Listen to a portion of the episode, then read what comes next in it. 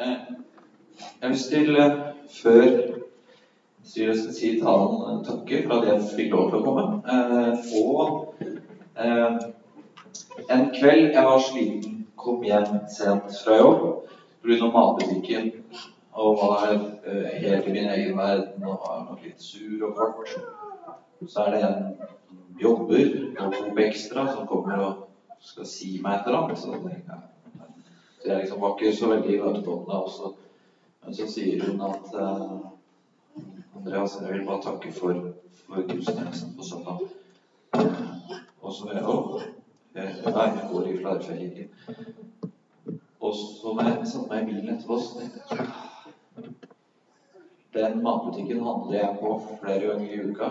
Eh, jeg ante ikke at hun som jobbet der, gikk i kirken, at jeg var pastor for henne. Og i det så ligger det en smerte i at jeg som står i en stor setting med veldig, masse mennesker, mister noe forskning sier at de menneskene som er mest fornøyd i en kirke, er i en kirke på opptil 200 personer. Eh, jeg har lyst til, og Det er ikke noe tull jeg sier. Du er kjempeheldig som får være en del av dette fellesskapet, denne menigheten her. Jeg er utrolig imponert over de lederne her som jeg møter. Så uh, gratulerer med at du er på denne Viken, og du er heldig som får være en del av et fellesskap som dette. Ok? Eh, jeg skal si litt om det kristne fellesskapet nå. Jeg kaller det Kirken. Vi kunne brukt ordet menighet. Vi kan bruke bare ordet fellesskap. Men eh, for de fleste som ikke er en del av Kirken, da for deg som er ny i settinger som den er, så høres Kirken litt mindre sånn internt ut enn å si menigheten. Eh, så derfor så eh, bruker jeg ordet Kirken av kommunikative grunner. Hva er Kirken? Jeg kommer til å si tre ting om det. At Kirken i det store bildet bærer håp for verden. At Kirken bærer håp for deg og at Gud bærer Kirken. Vi begynner med dette at Kirken bærer håp for verden. Eh, her for eh, tre-fire uker siden nå, så var det, i hvert fall i Oslo, jeg vet ikke hvordan det var i Statelle, så var det storm. Jeg har litt dårlig selvtillit når jeg skal si at det var storm i Oslo. Jeg skal fortelle om den ekstremvær, for jeg har mye familie i Nord-Norge, og de håner meg når jeg prøver å liksom skryte av at vi har hatt kraftig vær. Kunne dere ikke sitte ute med kaffelatten deres? Eh, men det var så skikkelig kraftig vind i Oslo da. Og eh, det var eh, Jeg sto på gårdsplassen hjemme og så Jeg bor like ved Marka i Oslo. Og så liksom hvordan det tok i trærne, naboen på andre siden fortalte nå faller det trær i skogen. Og jeg kjenner meg litt sånn syk i hodet, for jeg fikk ikke løpe inn i skogen og se trær falle. Det turte jeg ikke å gjøre. Men neste morgen så var det sånn stille etter stormen. Da, da gikk Veronica og jeg tur lørdag morgen. Eh, og når vi kommer inn i marka, så ser jeg at det er svære trær som har falt, og de ligger med røtter og jord gapende oppå. Det var sånn eh, katastrofestemning. Så og jeg gikk der og så på trærne som hadde falt, og begynte å tenke det er mange mennesker for tiden som bærer en sånn frykt for fremtiden. Da blir det en egen sjanger TV-serier som heter postapokalyptiske TV-serier. Det er altså ikke lenger sånn at man lurer på om verden kommer til å gå under. Da er det sånn Vi forutsetter at verden går under, så nå lager vi liksom TV-serien om det som skjer etter at verden har gått under. Og det er ikke bare i TV-serier man ser denne type frykt. Det er også i litteratur. Rod Dreher, en amerikansk intellektuell, har skrevet en bok som mange mener er av dette tiårets viktigste bøker. Den heter The Benedict Option. Og i denne boken så hevder han at den begynner med at Vesten har falt. Altså den vestlige verden sånn som vi kjenner den. Det er så mye som går i gal retning, sier Rod Rayer, at nå, nå må kristne Han har selv blitt kristen i voksen alder. Nå må kristne bare trekke seg tilbake som benediktinerne gjorde sånn orden. Og til sikre soner, fordi nå går det gærent. Og det mangler ikke på pessimister for tiden. 23% av unge voksne i Europa er langtidsarbeidsledige. For millioner og millioner av mennesker i Europa så ble ikke finanskrisen i 2008 en sånn dipp som i Norge, men en permanent situasjon. Og det er faktisk i flere land i Europa nå sånn at hele generasjoner unge vil vokse opp og leve hele sitt liv som fattigere enn sin foreldregenerasjon. Vi trenger ikke gå lenger til Sverige. 59% av svenskene forventer nå at deres barn vil få dårligere liv enn de selv har levd. Derfor så skrev Joel Halldorf, en svensk teolog og forfatter, eh, nylig en artikkel om dette. Han sa Vesten har falt fordi vår sivilisasjon, vår del av verden, er bygd på denne drømmen om at alt blir bedre, alt går fremover, og vekst og fremgang for alltid. Det her Sorry at jeg ga deg en så dyster start her nå, men det her, for meg Jeg er sånn grunnleggende fremtidsoptimist. Eh, så dette er rart for meg. Jeg er sånn Jeg gleder meg til kjøleskapet hjemme kommer på Internett, sånn at, at jeg, det sier fra når det trenger melk, og bestiller det selv og sånn. Jeg gleder meg til bilene blir helt selvkjørende. Da kommer Stig til å være den første som har en sånn. Jeg gleder meg til kreftforskningen finner enda flere gåter de klarer å løse. Men jeg må innrømme at jeg ser også det er noen ting i gjære for tiden.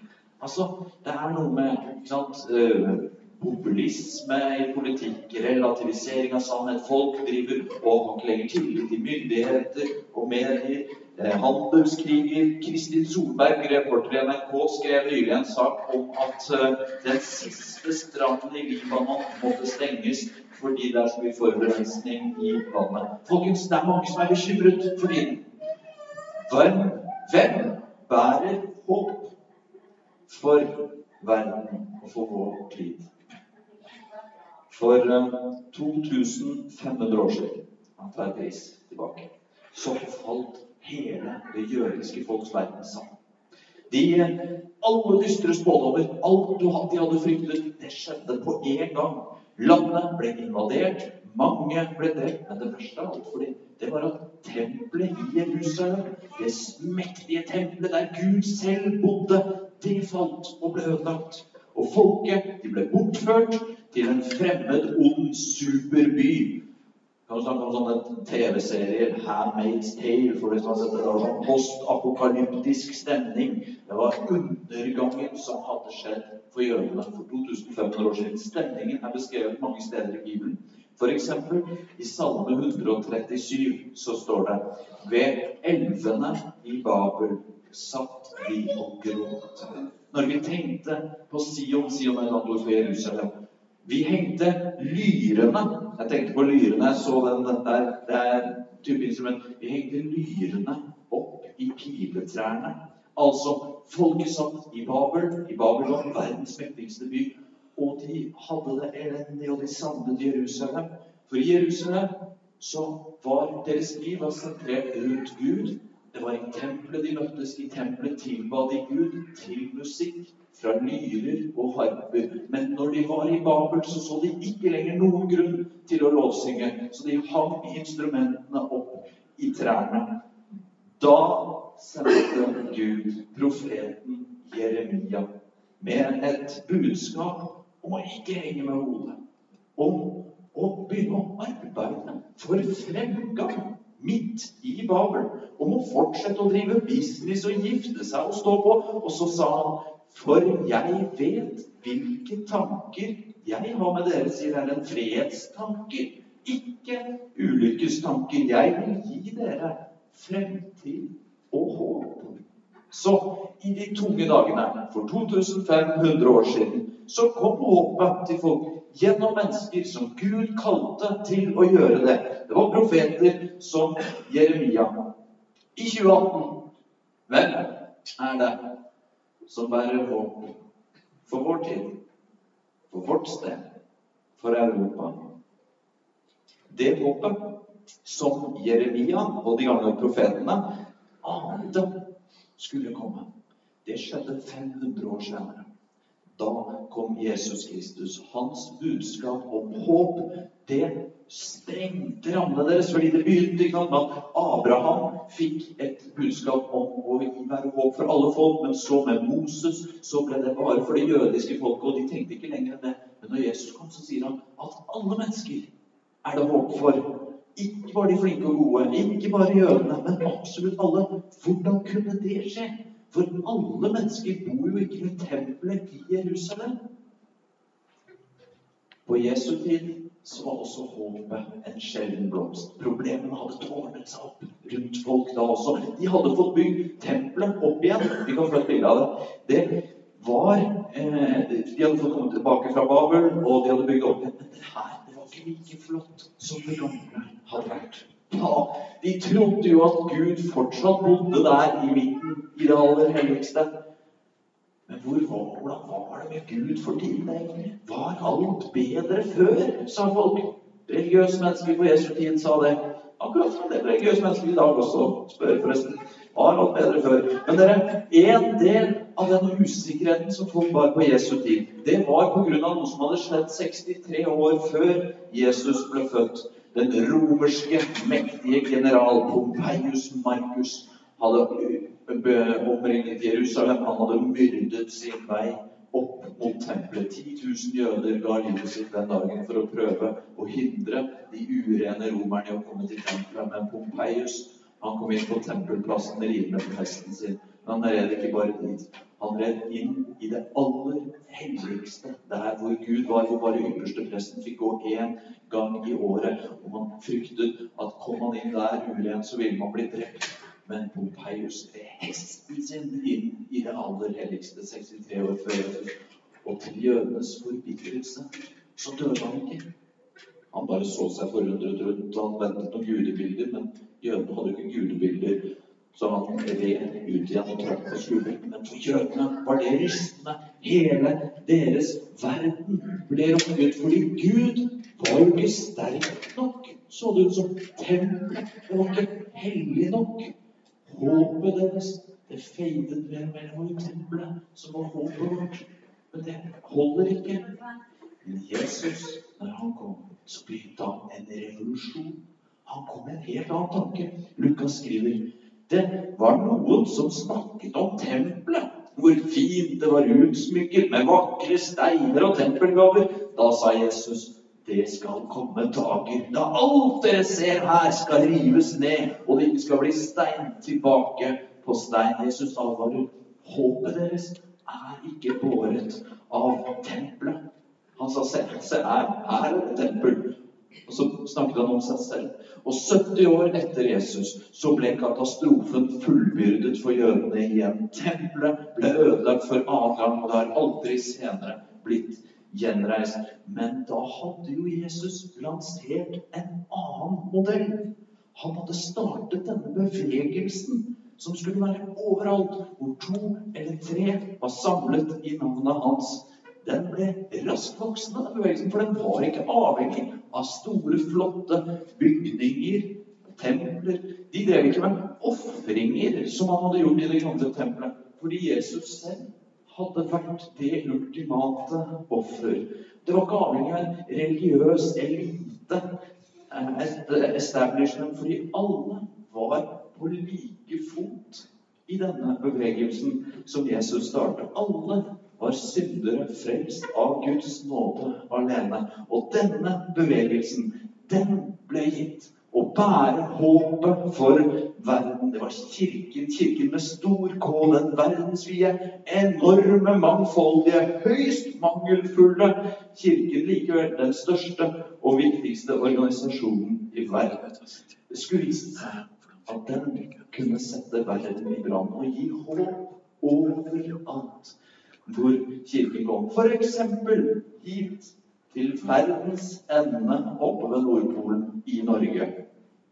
En i min eh, slekt som eh, bor i Lofoten, ikke eh, langt unna der hvor de for noen år siden gjorde en stor utgraving og fant et stort vikingsenter.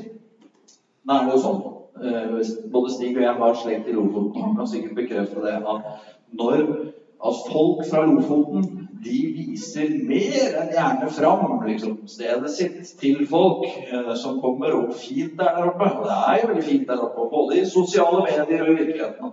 Hvis ikke du tror det, så må du adde min mor på Facebook på ferie der oppe. Eh, der, og han er i slekta mi som bor eh, der Einar Leknes. Han eh, er en fantastisk vert eh, når vi er på besøk. Eh, men derfor ble jeg så overrasket da jeg spurte han du, kan du ikke vise oss dette her eh, vikingsenteret som er startet etter utgravingene? Han svarte nei. Jeg syntes han ikke noe om. Det hadde vært bedre om det bare ble i jorda. Og jeg syntes det var så rart, for han, var, han ville jo alltid vise fra alt. Eh, men så vi dro for å se uten han. Og det vi så der, det var for så vidt interessant. Men mens jeg var der, så forsto jeg sakte vår verts skepsis. For det var ikke hva som helst slags vikingsenter som var gravd fram der. Dette var et religiøst knutepunkt fra førkristen tid. Og det var ikke akkurat 'Jesus elsker alle barna' som var blitt forkynt der. Folkens, vi skal være så glade for at Kirken og troen kom til Norge. Ja, den kom på dårlige måter en del steder. Det var liksom gratis kaffe og velkommen hjem til kirke og sånn. Det er sant som vi sa på Q&A, at før kirken kom, så var det lov å sette ut barn i skogen for å dø. Det var sånn at i bryllup så trengte ikke bruden å svare ja. Det var bare brudens far sa ja. Det var først ved kirkens komme at ideen om alle menneskers unike, umistelige verdi kom. Og da er det selvfølgelig interessant å lese om forfedrene våre, den usiviliserte banden som voldtok og ranet seg rundt omkring i Europa. Men jeg forsto min vert og slektning som tusen ganger heller ville takke for det vi synger om på 17. mai i Elias Blix sin fedrelandssalme. Vårt heimland i mørker lenge låg, og vankunna, altså mangel på kunnskap, Jose gjøyde. Men Gud, du gi nåde til oss òg. Din kjærleik oss ikke løyvde. Du sender ditt ord til Norges fjell, og ljos over landet strømde. Kirken bærer håp for verden, fordi det er dens budskap som har formet det beste med vårt land, vår sivilisasjon. Ah, ah, ah, pastor!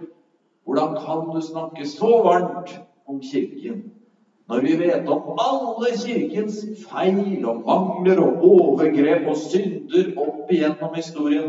Alt Kirken kan kritiseres for, for det er moderne å tenke og fokusere sånn for tiden. Forfatter Philip Yancey, som mange her sikkert har lest bøker av, skriver i boken 'Et falmet budskap' et sitat som jeg ville ta med hele sitatet. Og du kan lese det mens jeg leser. Han sier noe om dette her. Dessuten, sier han, de som fordømmer Kirken for dens blindsoner Det er jo mange av det, som jeg nevner. De gjør det ut ifra evangeliets egne prinsipper. Når de argumenterer for de samme moralske verdiene som nettopp evangeliet ga til verden.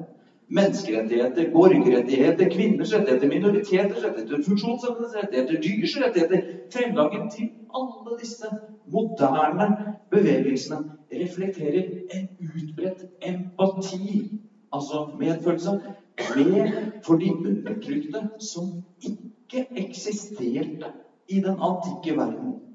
Klassiske filosofer, Aristoteles, Sokrates og sånn, de så på barmhjertighet og medlidenhet som karaktersvakhet i konflikt med rettferdighet. Den holdningen forandret seg ikke før med Jesus. Altså Det var først da budskapet fra Jesus brakt til verden gjennom Kirken, at barmhjertighet, det å stille seg på den minste side, det kom som verdier. Kirken har selvfølgelig mange blindsoner og feil. Men for meg, når jeg har tenkt på dette, så er det like skummelt som sånne postapokalyptiske TV-serier om verdens undergang Og se for deg hvordan vårt samfunn hadde vært hvis ikke vi fikk de kristne verdiene og den kristne tro. 2000 år med kristen tro er det beste som har skjedd verden. Og 1000 år med kristen tro er det beste som har skjedd Norge. Kirken bærer verdens håp. Som Jeremia ropte ut budskap om håp til folk når de satt ved elvene i Babel. Sånn skal Kirken snakke i dag. Det er håp. Det er alltid håp. For håpet Kirken bærer, det er den revolusjonen som Jesus kom med, og som en dag vil bli fullført helt. Ja, Guds rike har kommet rundt oss, inni oss. Vi ser spirer, vi kan oppleve gode ting. Og en dag så vil det komme helt, og verden vil bli. Det er på gang. Så Kirken bærer håp for verden, men da må vi smalne det litt nærmere og si Kirken bærer håp for deg. Punkt to. Eh, fordi Og her, jeg har tenkt på dette her. Er det sånn? Hvordan hadde ditt og mitt liv, de av oss som er kristne, de fleste av oss her, hvordan hadde det vært uten tro og uten kirke. Eh, jeg eh, har tenkt på at Hvis vi tar neste slide eh, ja, nei, ta, gå tilbake. Jeg, jeg har sett for meg mitt eget liv og sett at jeg hadde trengt dette med, med Kirken fordi at jeg så lett blir bare opptatt av meg selv. Eh, jeg vet at livet mitt det kunne gått feil på tusen forskjellige måter. Og på noen måter har det også gjort det. Jeg, en sommerdag jeg var 19 eller 20 år, så var det søndag. Pleide å gå i kirken i ferien, men det var en elvegudstjeneste i Flarøyfjordkirken med de som ikke var på sommerferie. Det var ikke noe spesielt møte. Så ikke noe engler eller noe som helst. Jeg bare satt i kirken den dagen. Jeg var gammel, blitt gammel nok jeg var bare 1920, men jeg var blitt gammel nok til at jeg kunne kjenne på eh, konsekvensen av min egen hardhet. Hvordan jeg kunne såre andre mennesker, ordene mine. Og jeg kunne kjenne hvor kort vei det var til mørket inni meg. Og han som talte, kollega Tore Deila, holdt en, nok en helt vanlig tale, men han fortalte om evangeliet om Jesus.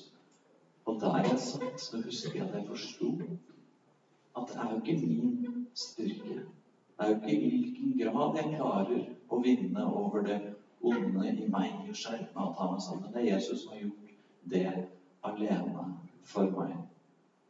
Og den, når den innsikten sank inn i meg Den kan gjøre det på ulike tidspunkt og fort eller sakte for oss. Siden da så har jeg tenkt at jeg trenger Kirken for dette budskapet om håp. Det er ikke bare et sånn abstrakt budskap om gode verdier for hele samfunnet, men det må synke ned til meg. Og da kommer vi til det Peter skriver til de små, første forfulgte kirkene. Kom til Han, den levende steinen, som ble vraket av mennesker, men er utvalgt og dyrebar for Gud, og bli selv levende steiner som bygges opp til et åndelig hus. Der er litt sånn rart åndelig språk. Levende steiner og bygges hus og greier. Den levende steinen Peter skriver om her, det er Jesus Kristus. Han ble vraket, han ble forfestet av menneskene. Men så skriver Peter til oss at vi kan bli selv levende steiner. Og ser du her at det står 'steiner' i flertall? Altså, kristen tro er aldri ment å være Og dette er litt i strid med hvordan det er moderne for oss mennesker å tenke. Så det må vi lene oss inn for å skjønne. Kristen tro er ikke sånn Ja, det er bare meg og Jesus. Det er bare det Hva er godt for meg? Hva er godt for deg? Kanskje det er godt for deg å være en del av et fellesskap. Vi er ment å være steiner, fellesskap, sammen. Én stein blir jo ikke noe greie på, men sammen så bygger vi noe som blir av betydning. Og en stein i et hus, den er jo helt avhengig av stein under og under og under. Vi bygger på hverandre som levende steiner. Og så fortsetter oss Petter her hvor det står som bygges opp til et åndelig hus. Jeg skal ikke ta mye grammatikk, men det står altså her ikke 'som ble bygget opp en gang'. i 1986, da du ble kristen. Det står heller ikke 'som bygger seg selv opp til et åndelig hus'. Det står 'som bygges'. Det er noe som skjer dag etter dag, uke etter uke, ved å være en del av fellesskapet her. I små praktiske ting, i store øyeblikk og store avgjørelser i livet av og til. Men det skjer hele tiden. Vi bygges opp innenfor rammen av dette fellesskapet. Så Men litt mer på det. Hvordan skjer dette her? Og Nå skal jeg si noe som kan hende provoserer noen her. Men da blir du våken. Jeg mener at det er to grøfter her som vi stadig dras mot i hvordan vi bygges og formes som etterfølgere av Jesus. Den ene grøften her, det vil jeg kalle tilpasningsgrøften. Det er når vi tror at kristen tro Jeg tar bare imot den delen av det som jeg er enig i, den delen som er populær, den delen som elitene i samfunnet vil bekrefte meg på.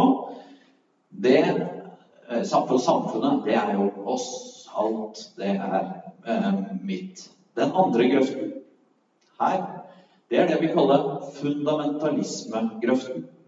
Det er når vi tenker at for å lykkes som kristne, så må vi distansere oss fra verden. Så mye som mulig tulla med de pølsekøene der ute at som da før var jeg i verden. Nå. Men eh, Det er litt rart kristent språk. Men eh, når samfunnet rundt oss blir en fiende som alltid er ute etter å ta oss, og vi kan ikke anerkjenne noe godt i den. I tilpasningsgrøften her så er alt rundt oss bra. Samfunnet er alltid bra, alltid rett. I fundamentalismegrøften her så er samfunnet alltid dårlig, alltid farlig. Begge disse grøftene her, de søker på en måte makt. Altså, I tilpasningsgrøften så ja, vi kan bli populære hos de riktige folk, og vi kan være i de riktige sirklene. Ingen vil eh, gi oss motstand i fundamentalismegrøften her, så blir vi den lille flokken mot alle de farlige der ute. Og vi må passe oss, og vi Da kan man få makt innenfor en liten gruppe. Begge søker å unngå smerte. Fordi i tilpasningsgrøften så er man populær, unngår motstand, og ingen vil synes at det er noe gærent med oss. I fundamentalismegrøften så unngår vi smerte fordi vi har ikke kontakt med noen utenfor, for det er bare oss La oss lese hva Peter skriver om hva Kirken skal gjøre. Jeg formaner dere, mine kjære, som fremmede og utlendinger, skylystne som kommer fra deres kjøtt og blod, og som fører krig mot sjelen. Ok, ok, så vi, vi er faktisk fremmede og utlendinger. Eller som den romerske historikeren fra det første århundret, Gaius Veton, har beskrev de første kristne, og så sa han de er som av en annen art. Altså, her ryker tilpasningsgrøften, altså. Og det er sant. De første kristne de skilte seg ut på mange måter blant folk. De gikk ikke på de blodtørstige gladiatorkampene ikke sant, i Colosseum. De ble ikke soldater i Cæsars erobringshærer. For de ville ikke være på. De drepte ikke nyfødte. som vi på. De lot kvinner ha lederoppgaver i den første krigen. De prøvde å ikke ha sex utenfor ekteskapet. De var radikale i å hjelpe fattige mennesker som ikke var en verdi i samfunnet på den tiden. Og de blandet ulike etnisiteter og klasser av mennesker som likeverdige. Så de var annerledes. Ok, men er det riktig, da? Da skal vi bare trekke oss unna og være i kamp mot verden rundt oss. Peter skriver videre.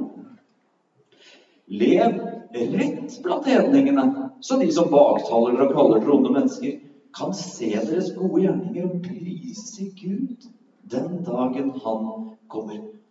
Her ryker fundamentalismegrøften opp, for her duger ikke moralisme og pekefinger og tenke at vi er bedre enn andre. Folk skal like Kirken. Se dens gode gjerninger og prise Gud. Altså, på den ene siden tørre å være annerledes Det er det kreves. På den andre siden aldri, aldri trekke oss ut og se ned på andre mennesker som er skapt i Guds bilde. Kirken, den bærer håp for deg og meg. For Kirken den vil hele tiden dra oss mot å leve det livet vi er skapt til å leve. Vi tjener mennesker rundt oss og lever attraktive liv. Kirken skal appellere til det beste i oss. Så jeg tenker at vi strekker oss mot å leve det gode livet, og at vi allerede har fått et nytt liv inni oss. Så håper jeg at ikke du ble for provosert av disse grøftene jeg drar. Men allerede nå så ser vi at Allerede nå kan vi få tilgivelse. Vi kan strekke oss mot å tilgi og leve som vi er skapt til. Og så vet vi jo, som vi sang også, altså en dag så vil det Bibelen kaller det falle et slør fra øynene våre, og vi skal se sånn som de egentlig var. Vi får se Gud selv, og vi får se oss alle. Det er det største håpet som Kirken bærer for deg og meg gjennom livet. At livet ikke bare er for nå, men for alltid. Ok, Så Kirken bærer nå for verden gjennom at kristne verdier og eh, Kirken forandrer samfunnet. Men mye mer enn det. Kirken bærer håp for deg og meg. Fordi vi strekkes mot idealene og det vi er skapt til å leve i og for evig. Men når Kirken bærer så mye stort, hva er det da som bærer Betania-stadellet? Hva er det som bærer fellesskapet? Er det Fernando? Stig Julie? Hvem er det? Jeg fortalte om denne lørdag formiddagen jeg og Veronica gikk tur i skogen, og jeg så trærne som hadde falt, og tenkte på alle som er så redde for tiden, for fremtiden. Mens vi gikk der, så snakket jeg og Veronica om høsten som nå, vi nå har begynt på. Og, eller det var i sannhetens navn Veronica som snakket, og jeg som hørte på. Eh, og så fortalte hun Hun er engasjert i barnekirken i Flerfra, eh, i St. Olavs gate. Og så innrømte hun at hun kunne kjenne det noen ganger i magen når vi begynner en ny høst. Og kommer, få nok ledere, få, kommer barna til å trives. Og om det ikke går bra, liksom. Og hun sa Andreas, eh, kirken betyr så mye for meg at jeg kan bli nervøs for om det går bra med alt mulig. Og jeg gikk og hørte på og tenkte at hvis hun skulle vært nervøs for det, da skulle jo jeg være mer nervøs med ansvar for helheten i alt. Men sånn menneskelig sett så tenkte jeg at kirken er stor og masse mennesker og ressurser. Det går bra, det er helt usannsynlig, det her. Men så kom jeg forbi et svært tre som hadde veltet og som lå der med røttene åpne. Og så måtte jeg tenke er det vi som bærer Kirken? Er det kjernen av de brennende hjertene som bærer Betaniaslatellet? Er det hvor populære og flinke vi er? Paulus skrev til en av de første kirkene og sa der neste slide. Dere er bygget opp på apostlene og profetenes grunnvoll med Jesus Kristus selv som hjørnestein. Han holder hele bygningen sammen, så vokser til et hellig tempel i Herren. I Han blir også dere bygd opp til en bolig for Gud i ånden. Vi må aldri ta feil. Det er ikke vår styrke vi bygger på. Det er hjørnesteinen som er Jesus. Hjørnestein var en konkret stein som hele bygget hvilte på. Og det er så deilig at i den forstand så er det ikke vi som bærer Kirken. Det er Kirken som bærer oss. Jeg hørte min kollega og sjef Håkon Jahr fra Øyfjellkirken. Eh, han har vært i tjeneste i Bergen hele sitt liv. Han er 65 år. Og så sa han at skal jeg oppsummere livet mitt Han har, liksom, han har bidratt så mye. Han har vært i alle komiteer. Han har gitt så masse penger, og det er fantastisk hva Håkon har bidratt med. Men så sa han skal jeg oppsummere livet mitt så har Kirken betydd mye mer for meg enn hva jeg har fått gjøre for Kirken. Altså Det er det er vi som bæres av Kirken, og ikke motsatt. Min far sa det til meg da jeg begynte å tale og engasjere meg veldig mye i menighet. Så han husker at det er ikke du som bærer Kirken. Kirken bærer deg. Jesus sa til Peter eh, som leder den første kirken. Og jeg sier deg, Peter, Du er eh, sier deg, du er Petter. Og Peter betyr jo klippe. På denne klippen vil jeg bygge min kirke, og dødsrikets bok skal ikke få makt over den. Jo da, en lokal kirke kan selvfølgelig få problemer og feil, og i verste fall dø. Og vi kan se kristne ledere som vi beundrer, og så går de feil. Men kirken med stor K i verden Guds kirke i verden, den har aldri noen makt kunnet ødelegge. Ikke det hele romerske imperium reiste seg mot den første kirken og ville utrydde den. Den vokste bare med. Den mektige Sovjetunionen prøvde. Men ikke kommunisme, sekularisme, konsumisme, noen andre krefter har kunnet ødelegge Kirken. For det er Guds kirke i verden. Av og til kan det jo se dårlig ut, og av og til så kan vi miste motet. Den franske dikteren Charles Peggy han uh, tok imot troen som voksen. I skyggen av opptakten til første verdenskrig så skulle han prøve å beskrive sin tro. Og da skrev han om disse tre begrepene som går sammen i kristen tro. Tro, håp og kjærlighet. Og så beskrev han det i et dikt som tre kvinner tre søstre. Og så sa han at troen og kjærligheten, de er voksne, sterke damer. De har troen har stått gjennom århundrene. Alle strømninger som har prøvd å rive den ned, den har stått fast. Kjærligheten som tar imot, og som tåler, og som fortsetter å gjøre gode gjerninger, de er sterke. Men håpet det beskrev Gud som en liten, energisk lillesøster som alltid sov godt om natten, og som stormet tillitsfullt ut mot dagen. Som løp foran søstrene sine og fikk de med seg oppover bakker og over kneiker. Noen ganger så ble hun borti skjørtene deres og ble sliten, men hun var den som fikk dem til å smile og til å drive videre. Jeg syns at han tegner et vakkert bilde av håpets rolle i livet og i troen. Vi, folkens, vi er med i den revolusjonerende bevegelsen som Jesus selv startet, som er hans kirke. Og dette fellesskapet her består av levende steiner. Et fantastisk byggverk. Kirken bærer håpet for verden i det store. Vi skal prøve å påvirke verden godt Gjennom politikk, gjennom diakonihjelptjenester, gjennom å bygge barnehager og alt godt vi gjør for samfunnet. På det personlige planet så bærer Kirken håpet for deg og meg. Fordi ingenting i vårt liv ville vært noe å skryte av uten gjennom Jesus når det alt kommer til alt. Og så er det Gud som dypest sett bærer Kirken. Selvfølgelig er det alle disse levende steinene som i praksis gjør så mye. Men vi må huske at vi gjør det fordi vi er båret av Gud selv. Ok? Eh, da har jeg lyst til bare til slutt å be for oss. Og så, når jeg nå ber, så vil det være sånn at når jeg snakker om dette håpet, så kan vi være rammet. Vi hørte historien om når en familie kan rammes eh, av kreft. Det kan være ulike ting som rammes. Det kan bare være en sånn, en sånn motløshet denne høsten og kjenne på at du har med å komme i gang på jobb, eller der du har vært, og liksom ser ikke noe fremtid i det du står i.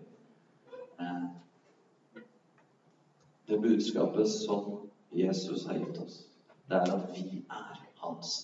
Uansett hva som skjer, uansett omstendigheter. Eh, og vi er på vei til store, den store festen eh, som vi vil se til slutt, og som vi ser glimt av allerede her og allerede nå. Eh, skal vi reise oss opp, så ber jeg for oss. Og hvis du vil, så har Kirken alltid praktisert dette at vi står sammen som ledende steiner. Sånn at hvis du vil at noen skal be for deg, at noen kan legge en hånd på deg eh, og be Og så er det ikke fordi at den ene er bedre enn den andre. Vi er alle syndere frelst av nåde. Men Guds ånd bruker oss. Det var sårbart at Jesus startet. Han burde startet noe som var perfekt, noe som uh, var liksom bare en flott bygning å beundre. Men i stedet så startet han en bevegelse av mennesker som deg og meg. Små og sårbare mennesker. Men ved Guds ånd så får vi gjøre Guds gjerninger, og vi kan betjene hverandre. I alt det praktiske, men også akkurat nå, akkurat her i forbønn. Du kan komme frem på første rad her, så kan vi be sammen. Eh, og det er også bønnerommet bak hvis du heller vil gå dit. Far i himmelen, tusen takk for at du kjenner oss. Tusen, tusen takk for at håpet kom til vår verden gjennom Jesus Kristus. Og tusen takk for at det håpet har forandret millioner på millioner på millioner av menneskers liv. Og det har også forandret våre liv. Eh, og nå ber jeg spesielt for min bror eller søster som opplever at, at man ikke helt finner sin plass inn i fellesskapet, eller at, ikke, at håpet liksom for lite og flokkene. Kom med din Hellige Ånd, Gud, og dra oss mot deg. Gi øynene i hjertet vårt lys, så vi ser det strålende som skinner fra evangeliet om Jesus Kristus. Og at vi kan få koble våre liv på det som ingenting kan rokke ved. Det håpet som er et trygt og fast anker for sjelen. Vi ber om det for oss alle i vår, i vår Fars Sønns og Helligånds navn. Amen. Da tilbør Jesus, så ber vi sammen der vi står, eller for hverandre.